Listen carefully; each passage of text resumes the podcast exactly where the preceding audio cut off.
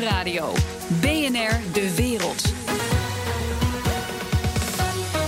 Bernard Hammelburg. Welkom bij het beste binnenlandse programma over het buitenland.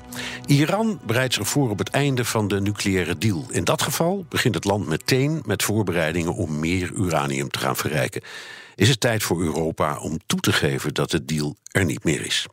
Ik praat erover met Marietje Schaken, Europarlementariër voor D66. Dag mevrouw Schaken. Hallo. Um, Iran kondigt aan voorbereiding te treffen om als de deal stopt meer uranium te gaan verrijken. Dat lijkt me de, de laatste nagel in de kist van de Iran-deal, toch? Ja, dat is natuurlijk precies wat je wil voorkomen met zo'n deal. Dus dat is heel treurig. En ja, ze zijn een beetje wild om zich heen aan het slaan sinds Trump de Amerikaanse handtekening heeft teruggetrokken. En uh, ja, het maakt het allemaal niet makkelijker.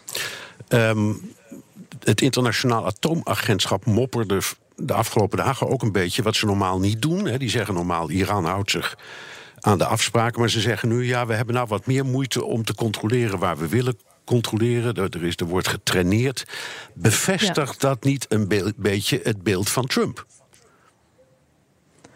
Ja, kijk, ik denk dat we allemaal heel helder voor ogen hebben dat het heel erg moeizaam tot stand komen van die Iran-deal natuurlijk was omdat we niet vanzelfsprekend vertrouwen hadden in de goede intenties van de Islamitische Republiek als het ging om uraniumverrijking. En dat je dus wil afspreken en controleren tot op welke hoogte ze mogen verrijken. En ik denk dat je aan de ene kant nu ziet uh, dat, ze, dat ze een beetje testen uh, hoe de internationale gemeenschap reageert. En aan de andere kant uh, misschien hun onderhandelingspositie tegenover de Europese Unie proberen te versterken door te laten zien. Ja, wij kunnen ook uh, tot, tot alternatieven dan de deal overgaan. Dus ik zie het een beetje als een tactiek, maar ook ja, als de, de ware aard van dit regime. En daar zijn we natuurlijk niet verbaasd over. Nee, dus het legt een beetje de bal toch bij Europa. Die indruk hadden we eh, toch steeds. De Europese Unie wil blijven investeren in Iran.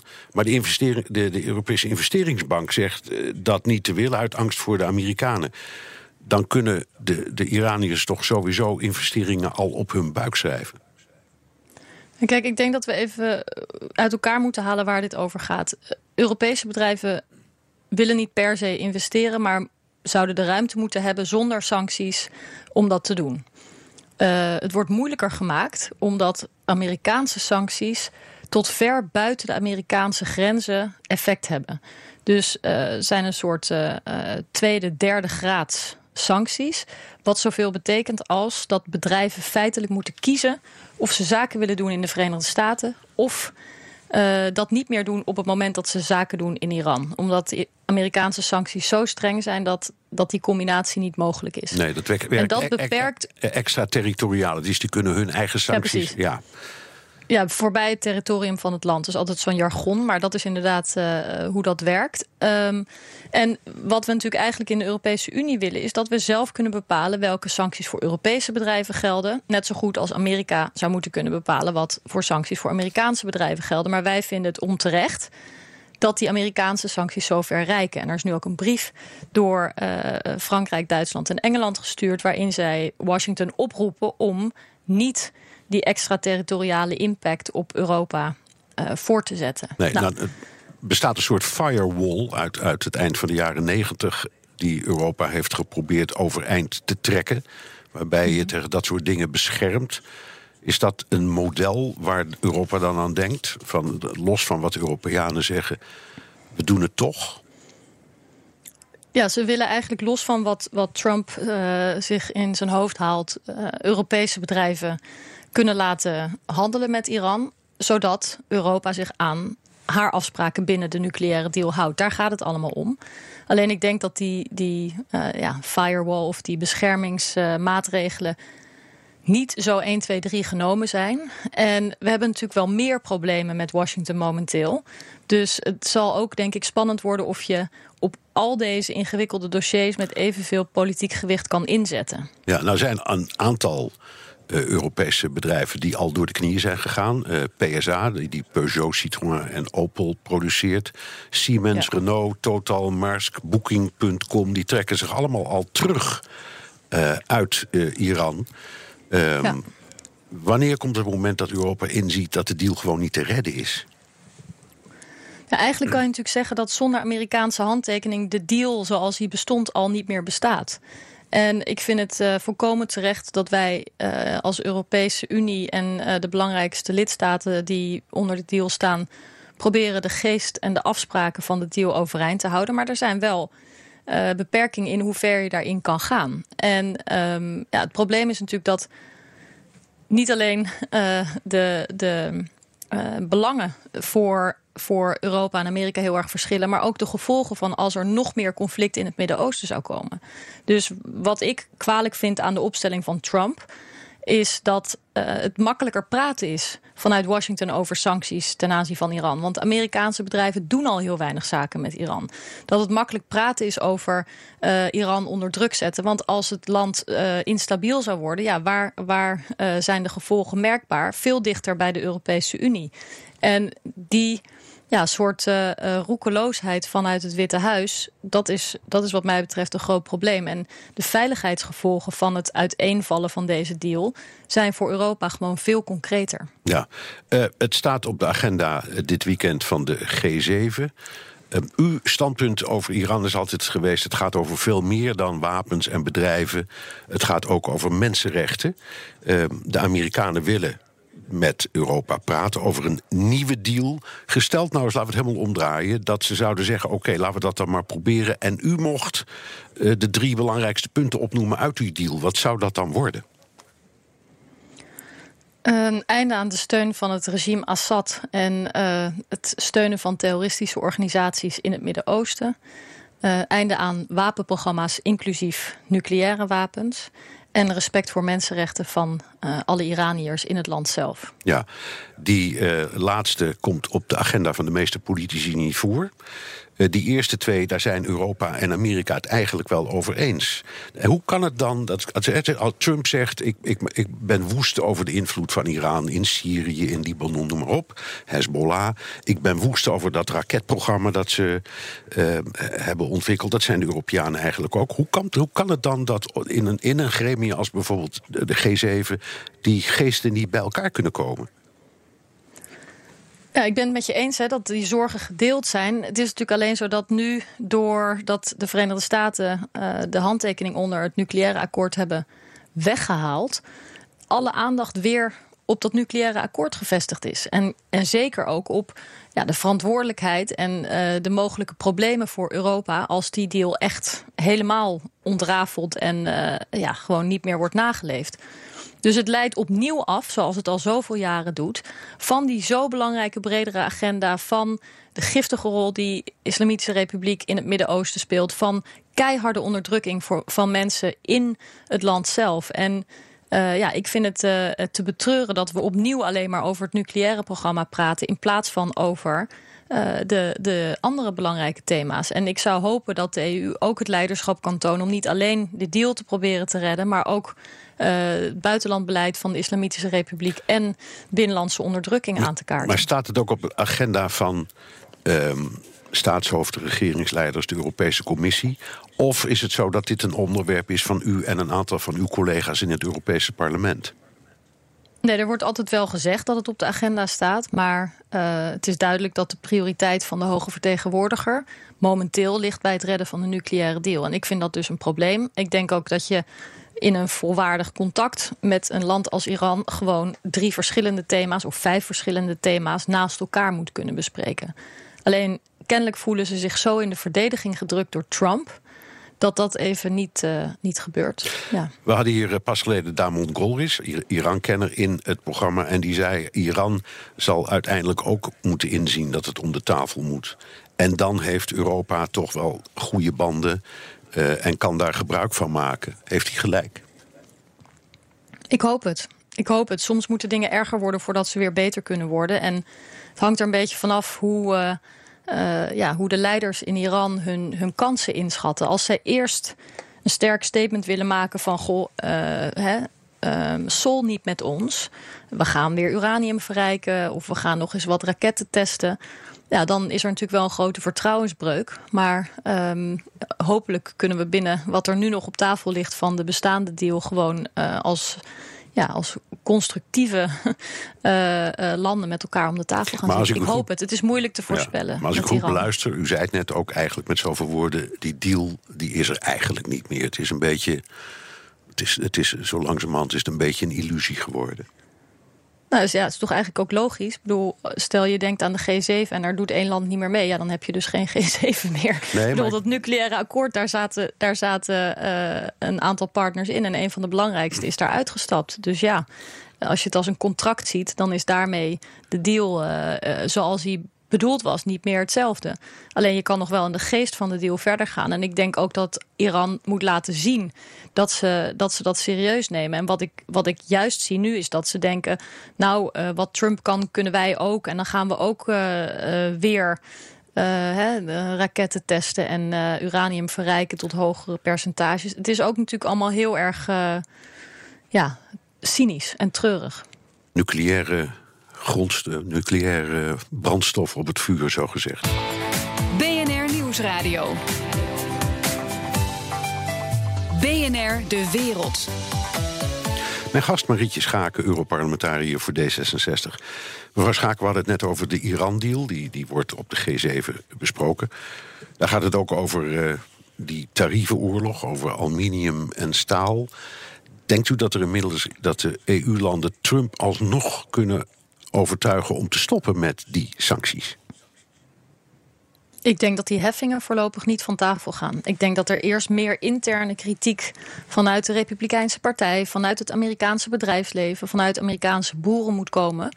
Voordat hij misschien van gedachten verandert. Want ja, alle internationale en Europese waarschuwingen die zijn luid en duidelijk aan uh, het adres van Trump geuit. Dus dat wordt een herhaling van zetten. Dat gaat niet meer. Het heeft geen zin.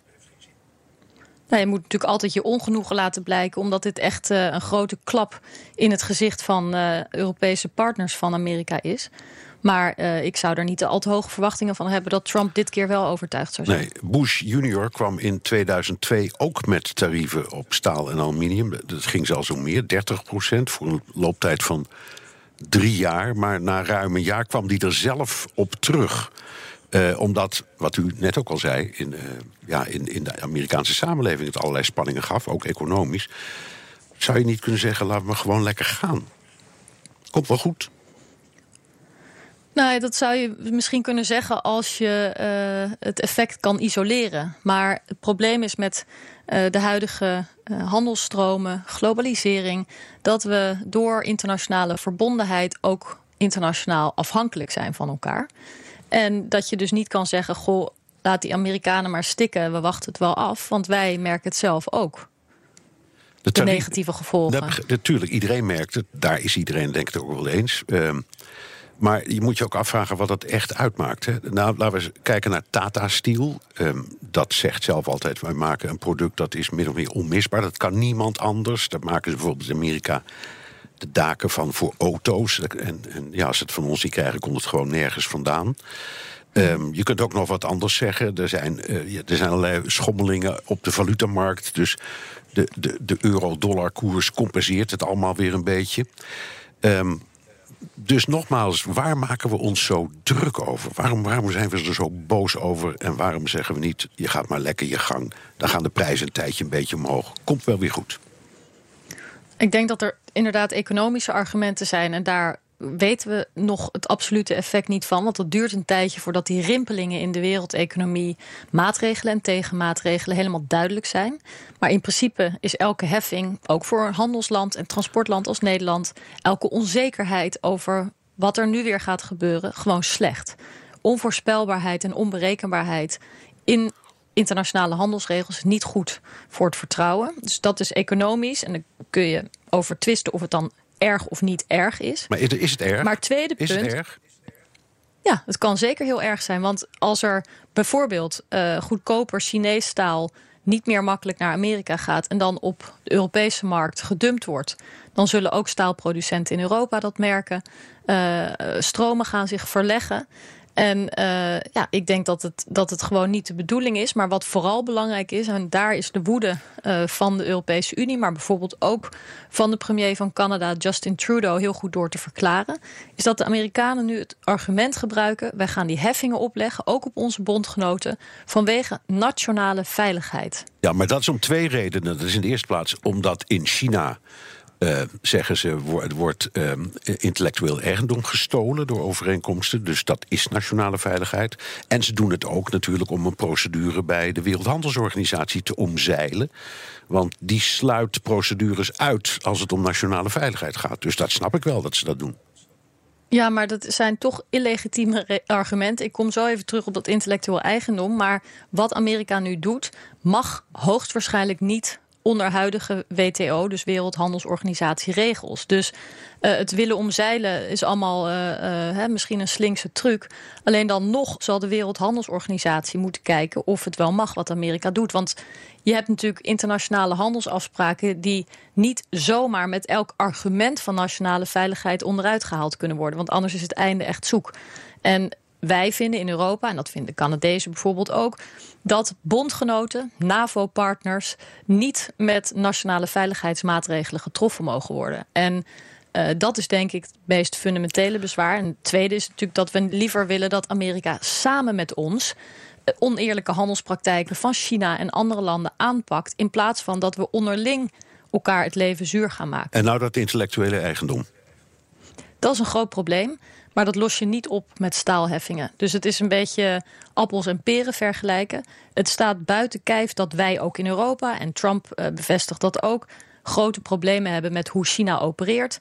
Intellectuele eigendomsdiefstal, maar ook oneerlijke behandeling van Europese bedrijven daar. Uh, ze moeten samenwerken met Chinese vennoten. Er zitten cellen van de communistische partij in bedrijven. Uh, er wordt willekeurig een, een, bijvoorbeeld een controle uitgeoefend. Het is allemaal niet zo eerlijk en open als wij dat hier zien. En ook niet zo eerlijk en open als we dat graag zouden willen. Het dumpen van staal en andere producten op de wereldmarkt is een ander groot probleem. Maar je kunt dat beter samen aanpakken dan om eerst de bondgenoot met wie je dat nou het beste kan aanpakken een flinke tik te geven. En dan te denken dat China daarvan onder de indruk is. Ik denk echt dat China de lachende derde is van dit beleid van Trump. Dat zou inderdaad heel goed kunnen. Nou, over een tik gesproken. Nou, de tik terug die Europa geeft. Dan hebben we het over Harley Davidsons. Daar komen er in Nederland, ik geloof, hooguit duizend per jaar van binnen pindakaas. Kom op zeg. Wat zijn dat voor tegenmaatregelen? Ja, ik begrijp wel dat het misschien enigszins komisch uh, geïnterpreteerd kan worden. Maar ik vind het juist heel slim. Want de Europese Unie heeft heel erg gezocht naar producten die in staten worden gemaakt waar Trump veel steun geniet. Dus uh, pindakaas of sinaasappelsap of Harley Davidsons, maar ook spijkerbroeken, bourbon, een soort uh, whisky. Whisky uit Kentucky, ja. Precies, we mogen ze daar alweer geen whisky noemen, omdat whisky beschermd, uh, uh, beschermd, is. Nou ja, maar in elk geval een aantal producten die juist heel erg specifiek belangrijk zijn voor specifieke gebieden. Dus ik vind het eigenlijk een hele mooie oplossing, omdat wij zeggen: kijk, wij gaan niet breed terugslaan. Wij nemen specifieke maatregelen en kaarten Amerikaanse praktijken aan bij de Wereldhandelsorganisatie. Dus in plaats van heel emotioneel en um, nou ja, escalerend op te treden, probeert de EU zeer terecht dit conflict te deescaleren en te laten zien dat we zeker tegenmaatregelen moeten nemen, dat die proportioneel zijn en in lijn zijn met de wereldhandelsregels. Ja, maar proportioneel betekent dat je niet een overreactie moet tonen, maar dit lijkt mij, al dit is gewoon symbolisch, het gaat over zo weinig. Dat kan dan misschien wel heel um, symbolisch zijn. En, en ook in, in, in die staten misschien wel enige indruk maken. Maar daar schrikt toch de Amerikaanse regering niet voor terug. Nou, laten we maar zien wat, uh, wat uh, de, de pindaboeren uh, ervan vinden bij de volgende verkiezingen. En de producenten van Harley Davidsons en, en Levi's spijkerbroeken. Ik denk dat je beter kan beginnen met een gerichte maatregel en daarna meer kan toevoegen als het nodig is, dan dat je een enorme lijst uh, van tegenmaatregelen neemt en daarna denkt: oh, we zijn te ver gegaan. Ik vind dat hier goed over na is gedacht en dat we het ook niet moeten bagatelliseren. Nee, maar dan uh, kun je toch ook zeggen: laten we, laten we er eentje uitpikken: Boeing. Dat zet zoden aan de dijk als je daarmee dreigt. Ja, dat, dat kan ook. Ja, nou, dat, dat, dat maakt toch meer indruk dan die paar uh, motorfietsen of potje pindakaas. Nou, ik weet het niet. Ik denk dat, je ook, dat ze ook willen kijken naar wat de eventuele uh, impact op de wereldeconomie is. En dat dit dus een gerichte actie is naar Amerikaanse uh, sectoren. En uh, nou, dat daar wel over na is gedacht, dat er vast ook andere opties waren. Maar het lijkt mij nou een, echt een goed moment om als Europese Unie als één hierin te staan en te zeggen: dit is waar wij voor kiezen. Ik kwam met het voorbeeld van Boeing omdat er ook een conflict was tussen een uh, Canadese vliegtuigproducent en Boeing. Dat ging over een leverantie aan Delta. En uiteindelijk heeft Boeing uh, uh, daar aan het kortste eind getrokken. Omdat Amerika toen ook met extra tarieven kwam voor die Canadese vliegtuigen. Ja. Dus als je zo een soort industrie pakt, ja, dat maakt indruk. Ja, maar de vraag is ook of het allemaal kan binnen de wereldhandelsregels. Want de zaak waarnaar jij verwijst, als ik me goed herinner, is er een die ook is uitgevochten voor de Wereldhandelsorganisatie. En waarin inderdaad uh, Canada gelijk heeft gekregen. Dus wij willen ook door onze eigen acties laten zien dat we wereldhandelsregels bovenaan zetten. En dan moet je dus ook in de tegenmaatregelen, zelfs als Amerika zich daar niet aan houdt, zorgen dat je zelf wel doet wat je zegt en zegt wat je doet. Dus daar, um, daar zijn vast nog andere mogelijkheden voor. Maar ik denk dat dit een goede en ook proportionele stap is van de EU. Nog even één uh, korte vraag. We gaan nu naar de G7. Maar er wordt al gesproken over de G6 plus 1. Met een soort geïsoleerd Amerika. Heeft dat hele gremium dan nog zin? Ja, ik denk dat het altijd goed is om met elkaar in gesprek te blijven. En het is ook heel belangrijk dat Amerikanen in het congres het Amerikaanse bedrijfsleven, Amerikaanse burgers zien dat uh, de andere industriële landen van de wereld echt fundamenteel anders denken dan de Trump-regering. en sommige mensen zullen blij zijn met America Alone. Maar ik denk dat het uiteindelijk het Amerikaanse belang en de Amerikaanse economie niet zal dienen. En hoe eerder dat doordringt in Amerika zelf, hoe eerder de, ja, de echte checks en balances en het tegengewicht uh, eraan komt. En dat zal altijd sterker zijn dan onze heffingen op Harley Davidson. Dank, Marietje Schaken, Europarlementariër voor D66. BNR Nieuwsradio.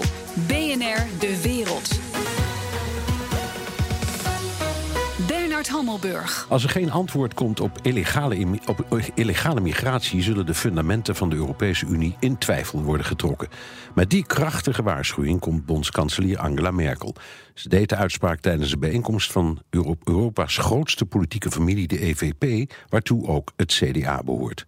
Ook daarbij aanwezig in München is onze Europa-verslaggever Jesse Pinster. De ontvangst is overweldigend. Blaaskapel in Ledenhozen ontvangt de Europese Volkspartij in het christendemocratische machtscentrum Beieren. Een controversiële ontvangst. Want waarom organiseert de Beierse minister-president een receptie voor de Europese christendemocraten? Gastvrijheid, zegt hij zo. En bovendien, hier in het zuiden van Duitsland deelt de CSU al decennia de lakens uit. En dat is ook wat de EVP doet in Europa. Ze zijn verreweg de grootste politieke familie en zullen dat ook zijn na de Europese verkiezingen van volgend jaar. There is no uh, uh major left in Eastern Europe. Uh, the EPP basically has this task. There is no other political family that can do it. Zegt de Bulgaarse politicoloog Ivan Krashev. Alleen de eurosceptische partijen zijn een bedreiging, maar zij zijn verdeeld. Toch kijkt de EVP die kant op en zet hard in op twee thema's voor de komende verkiezingen: veiligheid en migratie. De deradicalisering van extreem rechts noemt Kratchev dat. Het inlijven van rechtse en populistische thema's.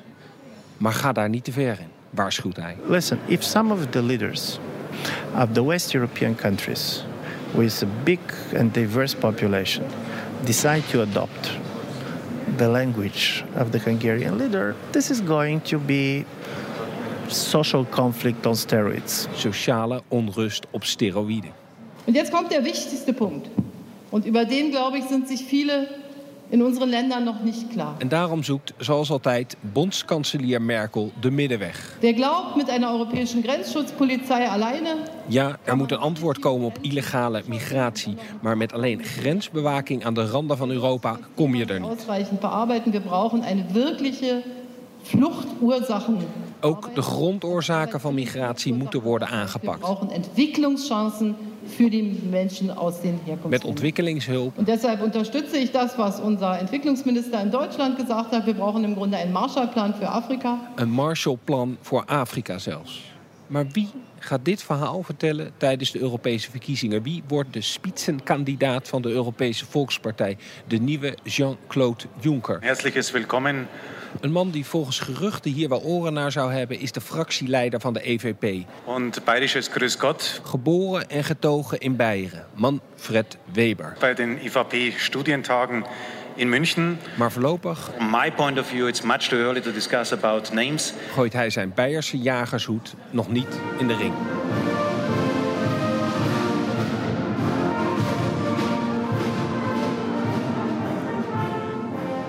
En vanuit München was dat Europa-verslaggever Jesse Pinster. The Donald Show. Tijd voor een update over de United States of Trump met Jan Postma, onze eigen correspondent in Washington. Jan, Trump heeft een oma vrijgelaten uit gevangenis na een aanbeveling van Kim Kardashian. Ja, klopt. Eh, Elise Marie Johnson heet ze. Ze zit al meer dan twintig jaar eh, zat zij vast en zat eh, levenslang zonder kans op eerder vrijkomen. Ze had namelijk cocaïne vervoerd voor een, ja, voor een handelaar. En nou is twintig jaar, of ja, eigenlijk levenslang vast. Dat is door een Europese bril bezien natuurlijk nogal een zware straf. En dat vond die Kim Kardashian eh, eh, ook. Ik moet zeggen Kim Kardashian West eh, inmiddels. Want ze is getrouwd met Kanye West, een reality-tv-ster hier. En die, zij mocht zelfs eh, langskomen bij Trump in het Oval Office. En, en Kardashian zei toen... ja, dit is niet eerlijk, president. Scheld de rest van die straf alsjeblieft weg. En dat heeft Trump dus ook gedaan. En dit is al het zevende geval waar Trump zich persoonlijk mee bemoeit. Ja, en dat mag hij, al pakt hij het wel anders aan dan andere presidenten. Ja, de de president heeft dit recht. Dat, dat kennen we niet zo in Nederland op deze manier. Hè. Hij mag het echt eh, in zijn eentje mag hij, eh, ja, eh, straffen eigenlijk wegschelden. Maar de meeste presidenten die, die kijken eerst wel eventjes naar het advies van, van het ministerie van Justitie, andere experts. Die, die, die kijken wel of er echt sprake is van gerechtelijke dwalingen, want daar is het eigenlijk voor bedoeld. Trump die doet het vrij spontaan eigenlijk, echt op eigen houtje. En deze mevrouw Johnson ook, ja, die kreeg bijvoorbeeld van het team van Obama al drie keer te horen dat zij geen gratie kreeg. En nu is het eigenlijk eh, met dat bezoekje van die Kim Kardashian ineens wel zo geregeld.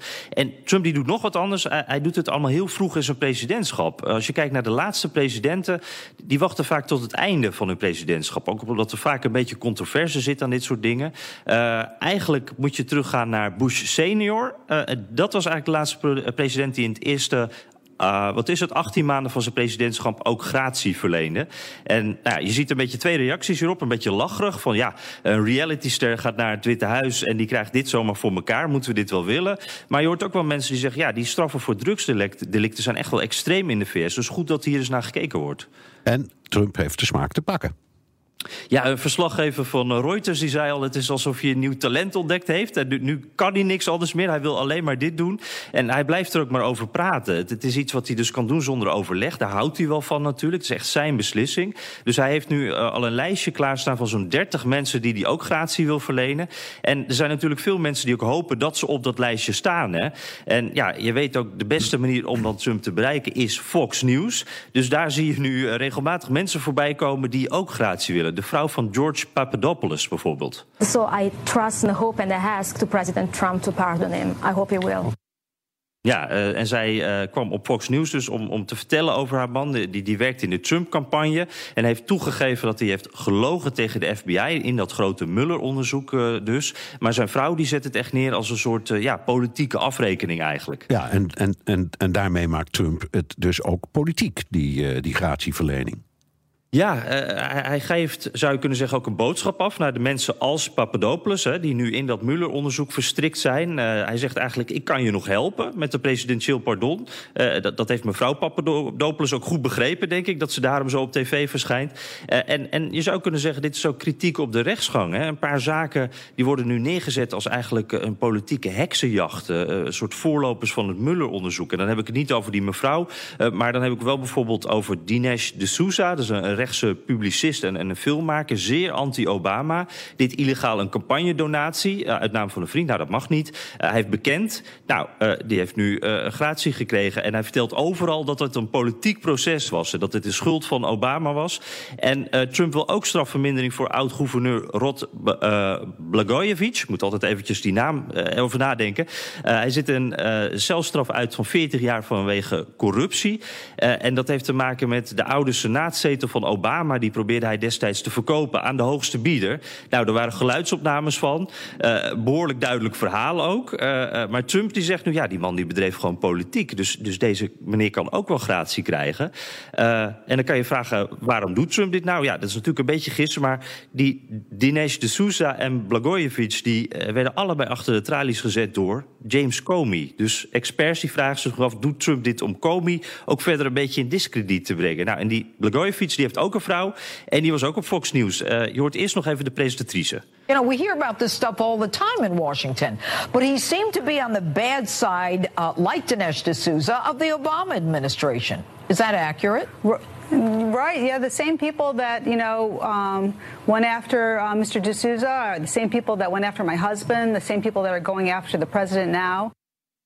Ja, sommige van die graties die worden dus direct verbonden met ook dat Muller-onderzoek. En dat lijkt toch ook wel onderdeel van een uh, grotere strategie. Dus, uh, en als jij nog parkeerbonnen open hebt staan, Bernard, of, of erger nog misschien, dan kan je dus gewoon even naar Fox News. Dan wordt het allemaal geregeld. Ja, ik heb ook het nummer van het Witte Huis. Jij toch ook? Ja, ja, dat is, uh, da wij regelen dat even makkelijk, toch? Dankjewel, correspondent Jan Posma. BNR Nieuwsradio. BNR De Wereld. Nederland zegt dat Rusland aansprakelijk is voor het neerhalen van MH17. Een onomstotelijk bewijs. Maar is het aan de politiek om dat te zeggen? Ik praat erover met Han ten Broeke, buitenlandwoordvoerder voor de VVD in de Tweede Kamer. Dag meneer ten Broeke. Dag meneer Almenburg. Kunnen kabinet en parlement dit eigenlijk wel zeggen? De Raad voor de Rechtspraak uh, zei van de week: onomstotelijk bewijs, daar kan alleen een rechter over oordelen. Dat klopt toch? Ja, als het om een daden gaat wel. En dat is ook precies wat de hele Kamer vindt. Maar dat stond ook helemaal niet in de motie. En de voorzitter van de Raad van Rechtspraak die optrad bij Jinek... Ja, die vond het kennelijk nodig om een opmerking te maken... maar overduidelijk zonder enige kennis van zaken... over wat er in die motie stond. Laat staan wat er in het debat was gebeurd. Ja, er zitten meerdere landen in het team. Maleisië zegt, voor ons is het bewijs niet onomstotelijk... maar het meest opmerkelijke vind ik België. Want dat zegt helemaal niets. Wat zegt dat mhm. ons? Ik vind dat moeilijk uh, in te schatten. Um, kijk, Nederland heeft ervoor gekozen om dit aan te varen samen met Australië. Je zou kunnen zeggen de, de landen met de meeste slachtoffers. Um, die hebben hier gezamenlijk opgetrokken. En ik snap ook nog wel dat je, maar dan zit ik een beetje op de stoel van hoe de regering dat zou hebben gedaan. En ook ik werd verrast die ochtend dat de ministerraad besloot om die aansprakelijkheidsstelling in te roepen naar Rusland. Uh, dat ze dat hebben gedaan om um, het, het, het, zeg maar het lekgevaar uh, zoveel mogelijk in te dammen. Want het is nogal wat als een staat van mening is dat het dat moet doen. Um, en men heeft dat gedaan, laat ik daar heel helder over zijn, omdat het JIT, een onafhankelijk OM, het gezamenlijke OM van die verschillende landen die in dat onderzoeksteam samenwerken, die hebben inderdaad onomstotelijk, overtuigend mag u van mij betreft ook zeggen, maar ze hebben een lijn vastgesteld tussen het wapen um, uh, het lanceerplatform, de boek Taylor. En ook de herkomst daarvan. Uh, namelijk de 53e Russische brigade in koers. Dat wordt overigens door de Russen ook helemaal niet ontkend. En dat is ook wat in de motie staat. Dus ja. daar staat alleen maar in waar het vandaan kwam en van wie het was.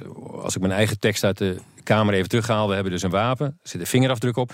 Maar dat wil absoluut nog niet zeggen dat daarmee ook een dader wordt aangewezen. Dat, dat laatste, dat vertroebelt de discussie nu. En uh, sommigen doen dat ook bewust. Ja, maar u, even één ding. U zegt, u was verrast die ochtend dat dat kwam. Waarom? Omdat uh, wij in de coalitie de dag daarvoor nog uh, hadden opgeroepen aan het kabinet om uh, bij de zitting die dinsdag daarna zou plaatsvinden, de Veiligheidsraad, en die onder andere over Oekraïne en andere zaken zou gaan, dat Nederland daar herbevestiging van die VN-veiligheidsraadsresolutie 2166 zou moeten vragen. Waaraan ook Rusland had meegewerkt. Waaraan Rusland heeft meegewerkt. Waar, zeg maar, uh, daar hebben ze een veto dan niet gebruikt. Hebben ze zelfs voorgestemd. En met die voorstem hebben zij zich verplicht om voluit mee te werken aan het JIT-onderzoek. En nu blijkt dus na vier jaar dat er een uh, boekinstallatie is die gelinkt kan worden aan uh, het, het, de raket die is gebruikt. En die was eigendom van Rusland. Of die dat nog was op moment van gebruik, dat weten we allemaal niet. Maar hij was in ieder geval. En dat hadden ze moeten melden. Dat betekent dus dat er onvoldoende is meegewerkt. Daar dringt Nederland dan nu ook weer op aan.